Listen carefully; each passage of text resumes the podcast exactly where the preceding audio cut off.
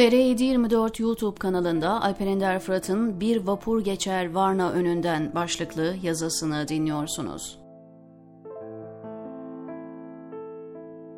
Varna'da deniz kıyısında oturmuş, önümde uzanan uçsuz bucaksız Karadeniz'i izliyorum. Karadeniz bilindik hırçınlığının aksine çarşaf gibi, sakin, dingin, asude.'' Uzaktan geçen ya da limana demir atmış gemileri izliyorum. Kulağımda o şarkı. Bir vapur geçer Varna önünden. Oy Karadeniz'in gümüş telleri. Bir vapur geçer boğaza doğru. Nazım usulcacık okşar vapuru. Yanar elleri. Yanar elleri. Yanar elleri. İnsan bir şehre pek çok sebep için gidebilir.'' ziyarete bin gerekçe bulabilir. Ama bu şehre sırf o şarkıyı burada dinlemek için geldim. İşte tam bunu hayal ediyordum. Böyle bir banka oturup Karadeniz'i seyredecek ve karşıdan geçen vapurlara doğru bu şarkıyı dinleyecektim.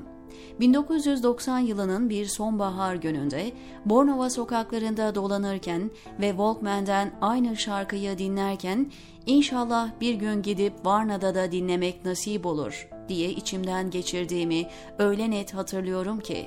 Yıl 2015. Aradan tam 25 yıl geçmiş ve ben Varna'da denize bakan bir bankın üzerine oturmuş hem dinliyor hem mırıldanıyorum. Bir vapur geçer Varna önünden boğaza doğru. Nazım usulcacık okşar vapuru.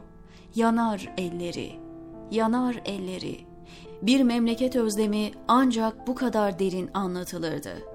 Oysa ben her zaman memlekete hasret kalmaktan kendimi çok uzak hissederdim ve başıma hiçbir zaman gelmeyeceğine inanırdım. Buna maruz kalanlar için çok ama çok acı bir şey olmalı diye düşünürdüm. Memlekete hasret kalmak, sürgünde yaşamak zorunda bırakılmak, aşina sokaklarında dolaşamamak, her gün önünden geçtiğin ağaçlarına selam verememek, tüm kokularına yabancı kalmak. Aman Allah'ım Düşüncesi bile ne korkunçtu.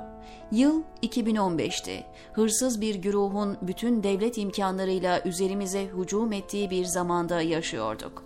Varna sahilinde oturmuş dinlediğim şarkının da tesiriyle bir gün ben de sürgünde yaşamak zorunda kalır mıyım diye düşünmeden edemiyordum ve bu beni ürpertiyordu. Yıllarca kulağımdan, dilimden düşmeyen şarkıyı ilk defa bu kadar içselleştirerek dinlediğimi hatırlıyorum. Ama hala memlekete hasret kalmayı kendime yakıştıramıyordum. Varna önünden gemilerin gittiği, o boğazın da içinde olduğu yer benim memleketimdi.''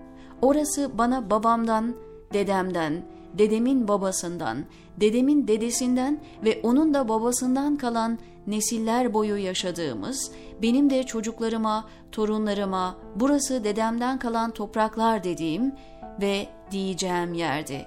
Gidecek birileri varsa onlar, yani hırsızlar, memleketi soyup soğana çevirenler olmalıydı.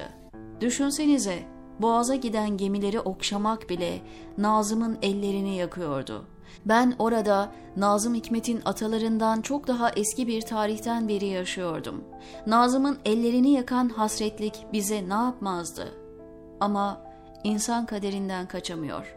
O kader bizi de buldu ve tam altı yıldır sürgündeyiz. Haramiler ülkemi işgal etti ve bize sürgün düştü.